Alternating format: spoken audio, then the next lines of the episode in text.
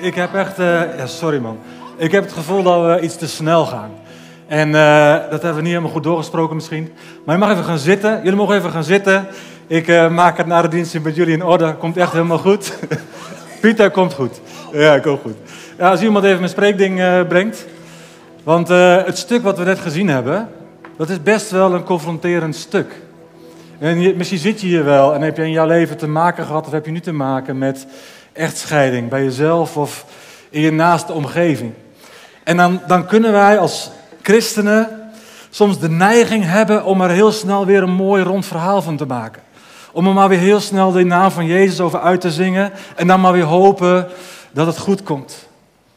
We zingen een lied, we zeggen een gebed en we gaan er maar weer tegenaan. En we gaan vanavond niet negatief insteken. En we gaan zeker niet negatief eindigen, want kerst is echt een feest van hoop. Maar we gaan ook niet te snel voorbij aan de realiteit van het leven. Het thema van deze kerst is licht in de nacht.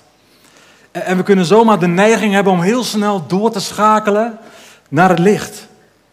Maar we moeten goed realiseren dat de nacht en de nacht in ons leven en dingen die moeilijk zijn en pittig zijn, dat de nacht niet altijd weggaat.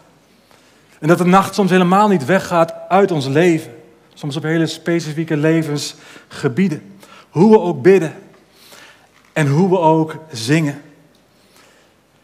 En ik wil je tegelijkertijd ook niet een onnodig zwaar gevoel aanpraten. Want misschien zit je hier wel en is het op dit moment hartstikke licht in je leven. Is er veel herstel, is er veel heelheid, is er veel geluk. Dan kan ik alleen maar zeggen, geniet. Geniet daarvan, wees dankbaar en deel ervan uit. Geef het door.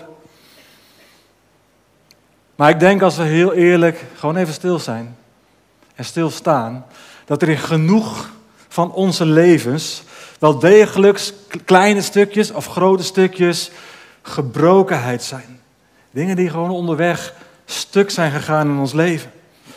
Stukjes nacht in ons leven waar we maar moeilijk van af lijken te komen. Dus is het goed om gewoon eerst even stil te staan bij de realiteit van de nacht. Want de nacht is er. Die gaat niet altijd zomaar weg. We leven in een gebroken schepping. En of je nou christen bent of niet. Niemand van ons heeft de garantie dat het lijden van deze wereld aan jouw voordeur voorbij gaat. En hoe groot de ellende op andere plekken in de wereld ook is. En het is goed om dat soms te gebruiken om te relativeren. Maar het is ook niet goed om het altijd maar je eigen pijn en je eigen gebrokenheid weg te relativeren. Want er is altijd wel iets wat erger is bij een ander of op een andere plek. Nee, de, de stukjes nacht in ons eigen leven, die, die mogen we onder ogen zien. Als misschien wel hele pittige onderdelen van ons leven. Die heel bepalend zijn in hoe het met ons gaat, in hoe we ons voelen. En hoe we ons soms ook verhouden tot de ander. En we houden ervan in deze gemeente om gewoon persoonlijk te worden en dingen ook heel concreet te maken. En ik geloof dat dit misschien ook wel gaat over jou, zoals je hier nu zit. En dan is de vraag, wat is, wat is jouw nacht? Wat is, wat is jouw verhaal? Wat is er onderweg misschien stuk gegaan in jouw leven? Misschien door het toedoen van jezelf, door je eigen keuzes, waar je nu ook de gevolgen van ervaart. Misschien wel door het toedoen van keuzes van anderen. Wat anderen wel hebben gedaan of juist niet hebben gedaan. En het kan om allerlei dingen gaan, die, die, die gaan over stukjes nacht, stukjes gebroodheid in je leven. Misschien gaat het om moeite in relaties. Misschien gaat het bij jou om, om je zelfbeeld. Om iets als bitterheid waar je maar niet van af lijkt te komen. Gepest worden. Op school of op je werk. Verslaving. Eenzaamheid. Wat wat een grote ja, ziekte is bijna ook in ons land. Doelloosheid. Misschien heb je wel onvervulde verlangens die zo'n pijn doen. Of is er schuld? Is er schaamte over dingen die zijn gebeurd? Is misschien wel angst. Ziekte. Rouw. En verlies. Ik denk als we zo een rijtje maken, dan zijn er nog genoeg andere dingen te, te noemen. Dat, dat je meer zegt van ja, maar daar zitten ook stukjes in mijn leven. En, en dat is niet zomaar weg. Ook niet na een gebed. En ook niet na een lied. En misschien gaat jouw stukje nacht wel gepaard met een, een stroom van onverhoorde gebeden. Wel gehoord, maar niet verhoord. En misschien wel jouw ervaring blijft het vooral ook stil van boven. Maar hoe je hier ook zit, wat het verhaal ook is van jouw leven, joh, je begeet je in goed gezelschap. Want wij zijn een gemeente van, van falers en dwalers. Er is hier niemand beter dan een ander. We hebben allemaal ons eigen rugzakjes die we met ons meedragen. En ik geloof dat daar heel veel uit mag en dat Jezus daar heel veel in kan doen. Maar het is goed om te erkennen dat we hem soms nog op hebben en dat daar dingen in zitten die aankleven. Dus we hebben allemaal, denk ik, woorden van hoop nodig. En geen goedkope woorden. Geen, ja, woorden, eh, wat maar een soort aai over de bol is waar je het mee moet doen. Nee, we hebben woorden van hoop nodig die zich al bewezen hebben. Woorden van hoop, ja, die niet alleen in jouw leven, maar die al in zoveel levens hun waarde hebben bewezen. Dus ik wil dolgraag een aantal diepe, prachtige, hoopvolle woorden met jullie delen. Die zich absoluut al hebben bewezen. En die zich ook dolgraag in, in jouw leven, zoals je hier zit, willen bewijzen. En ik sta hier niet als een man met goedkope antwoorden. Het is ook een stukje nacht in mijn leven. Waar ook het licht maar niet in door lijkt te breken. Afgelopen maandag was ik 25 jaar getrouwd met de liefde van mijn leven, Claudia.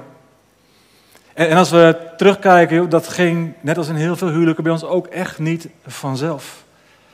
Er zijn momenten van vertwijfeling geweest. Zo'n stuk over echtscheiding, dat raakt me. Want soms kan ik de vraag stellen, waar waren wij uitgekomen als Claudia en ik onderweg niet naar elkaar hadden uitgesproken dat ons huwelijk geen achterdeur heeft. En ik ben ontzettend dankbaar voor de plek waar wij nu zijn in onze relatie, in ons huwelijk. We zijn op een hele mooie plek. Maar het was wel dwars door stukken nacht heen. En soms is het er ook voor kiezen om door stukken nacht heen te willen. We hadden afgelopen maandag iets te vieren, maar we konden het bijna niet vieren, omdat Claudia al bijna twee jaar long COVID heeft en daar ook ernstig door wordt beperkt. Dus net als jij, zoals je zit, heb ook ik die woorden van hoop keihard nodig. En die woorden van hoop zijn vandaag de woorden van de priester Zacharias. Een hele oprechte, gelovige man, zoals hij beschreven wordt in de Bijbel. Maar ook een man waar een stukje nacht was in zijn leven. Want samen met zijn vrouw Elisabeth was er een onvervulde kinderwens. Ze hadden er zo om gebeden. Maar Elisabeth was onvruchtbaar. En inmiddels waren ze al op leeftijd en hadden ze afscheid moeten nemen van dat plaatje. En dan gebeurt daar in hun leven een wonder. Er verschijnt een engel. En die engel die kondigt een zoon aan. En niet zomaar een zoon, een hele bijzondere zoon. Johannes moet hij heten. Die we in het verhaal leren kennen als Johannes de Doper. En, en nadat Johannes geboren wordt, ja, dan begint Zacharias te profeteren. Begint die woorden van God uit te spreken. Woorden van God over Johannes de Doper, maar ook woorden van God over Jezus. Jezus die het neefje is van Johannes de Doper en die vlak daarna geboren zal worden. En we lezen daar een gedeelte van. Je kunt het meelezen ook op het scherm. Uh, en ik denk dat het misschien wel de belangrijkste woorden van hoop zijn die op een avond als deze kunnen klinken. Lucas 1 vanaf vers 76. Daar profeteert Zacharias. En jij, mijn kind, Johannes de Doper, jij zult genoemd worden profeet van de Allerhoogste. Want voor de Heer zul je uitgaan om, hem, om de weg voor hem gereed te maken en om zijn volk bekend te maken met hun redding door de vergeving van hun zonden. Dankzij de liefdevolle barmhartigheid van onze God zal het stralende licht uit de hemel zich over ons ontfermen. En schijnen over allen die in duisternis verkeren, in de schaduw van de dood. Zodat we onze voeten kunnen zetten op de weg van de vrede. Wauw, dat zijn woorden van hoop, dat zijn woorden van licht en dat zijn woorden van vrede. En, we beginnen, omdat in dit deel ook zo mooi naar voren komt, met het, met het waarom van de komst van Jezus naar deze aarde. Waarom werd God mens, kwetsbaar en naakt als een baby? Dat lezen we hier. Er staan die prachtige woorden, dankzij de liefdevolle barmhartigheid van God. Dat is de reden. Dat is het motief. Dat gaat om Gods hart. Dat gaat om, om, om Gods houding. En ik weet niet wat voor beeld jij hebt opgebouwd in jouw leven van God. Maar ik weet één ding, en daar spreekt de Bijbel volledig over. God is liefde. God is liefde. Vanuit zijn liefdevolle barmhartigheid stuurt hij zijn zoon. God is liefde en die barmhartigheid, die, die bewogenheid, die ja, innerlijke ontferming, die vertelt ons één ding. Het maakt hem wat uit. Hoe het met jou en hoe het met mij gaat. Het kan hem wat schelen. De stukjes nacht in onze levens. Het laat hem niet onverschillig. En dan gaat de tekst, het in de tekst over het stralende licht uit de hemel zal zich over ons ontfermen en schijnen over allen die in duisternis verkeren. En dat stralende licht, dat is Jezus. Het gaat over Jezus, die ook verderop het, het licht van de wereld wordt genoemd. Het gaat over Jezus. Jezus licht zal schijnen over allen die in duisternis verkeren. Dus het maakt niet uit wat jouw levensroute tot nu toe is geweest. Of je nu gelovig of, net als ik, ongelovig bent opgegroeid. Het is voor allen.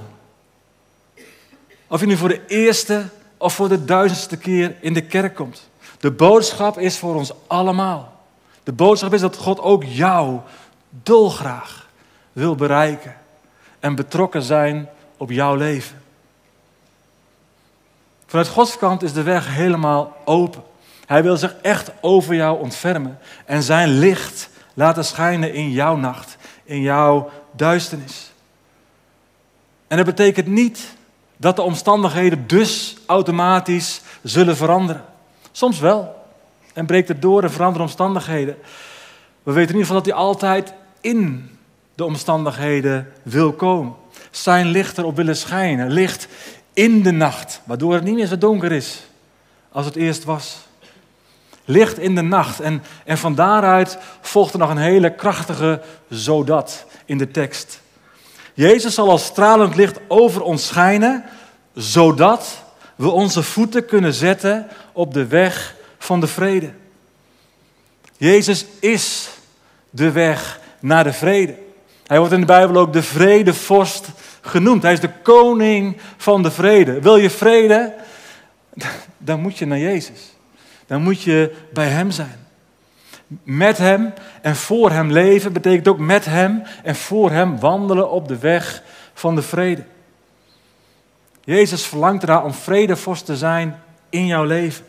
In je eigen omstandigheden, in je eigen nacht.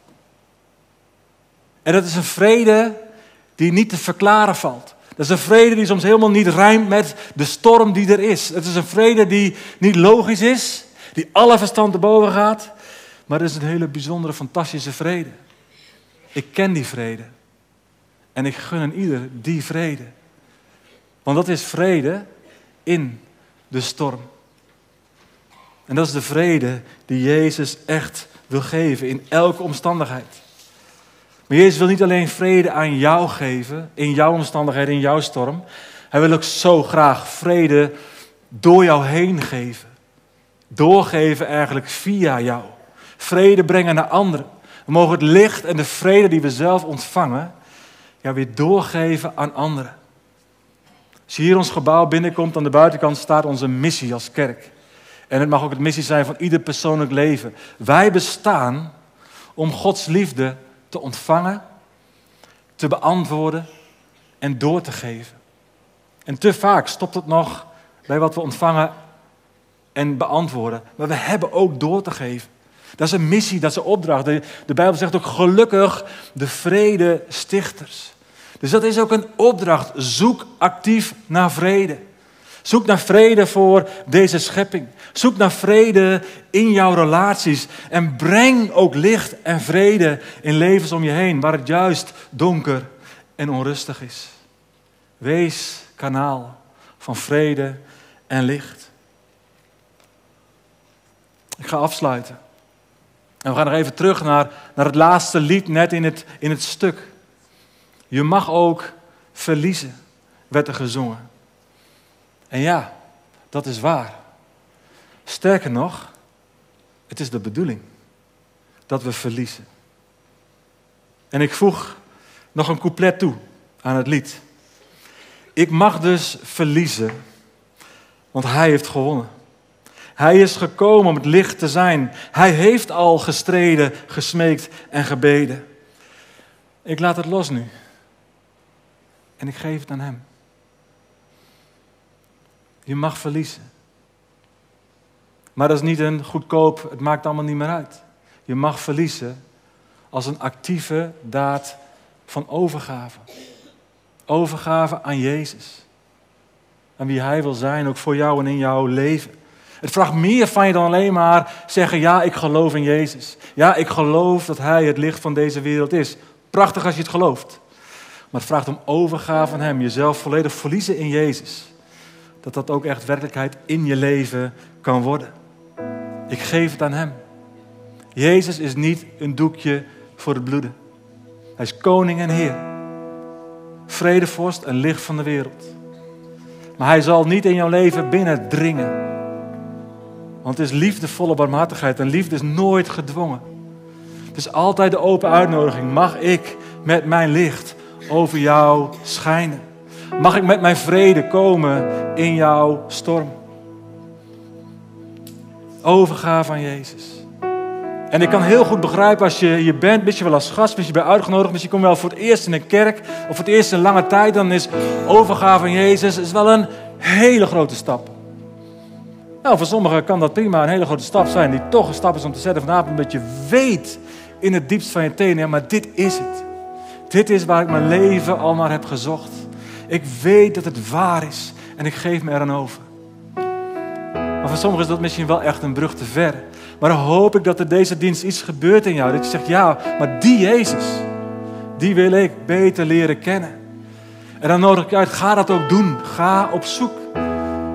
En we hebben hier een fantastisch programma, de Alpha-cursus. Die heeft zich wereldwijd, in alle kerken van de wereld is die Alpha-cursus. Ook hier, begint januari. En het gaat over wie is Jezus. En ik wil je uitnodigen om ofwel nu die stap te zetten, ofwel echt actief op zoek te gaan naar Hem. Maar als je het echt hier en nu wel wil, Jezus toelaten, het licht van Jezus laten schijnen in je nacht, echt licht laten zijn. En dan gaan we zo ook echt het licht aansteken. Ik als eerste. Ik wil dat God en niks anders licht is in mijn nacht. Ik wil het nergens anders zoeken dan bij Hem, omdat ik weet dat het alleen bij Hem te vinden is. En het is elke dag opnieuw een keuze om het licht te laten schijnen. Dat is iets wat je één keer doet in je leven en dat was het dan.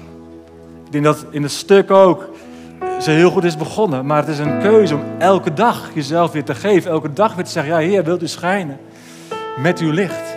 Ik heb het nu nodig. En ik denk dat er hier mensen zijn die dat al lang hebben gedaan. En die ook niet een grote keuze hebben te maken. En toch kan het zo zijn dat je hier zit. En dat er ergens een stukje nacht is in je leven. Een stukje stuk en kapot.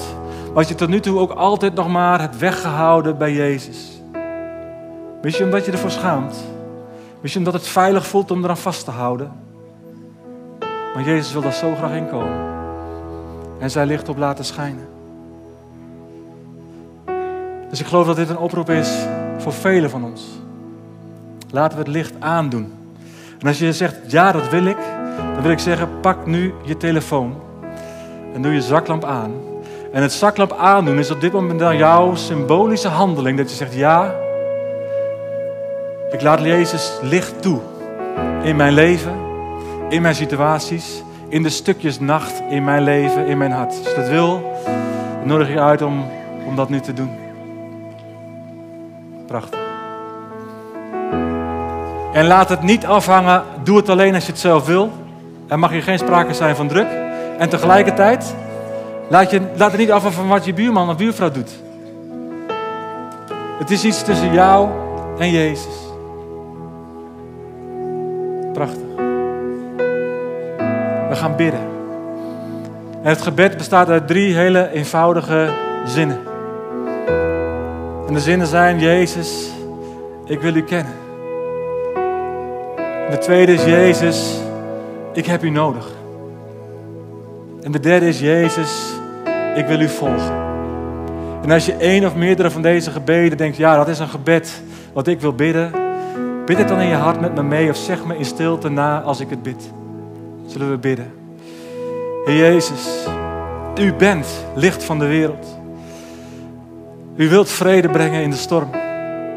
En u verlangt dat wij vredestichters zijn. We hebben uw licht nodig, Jezus, in de stukjes nacht in ons leven. Oh, breek door. En we weten, Heer, dat het niet betekent dat het de omstandigheden verandert.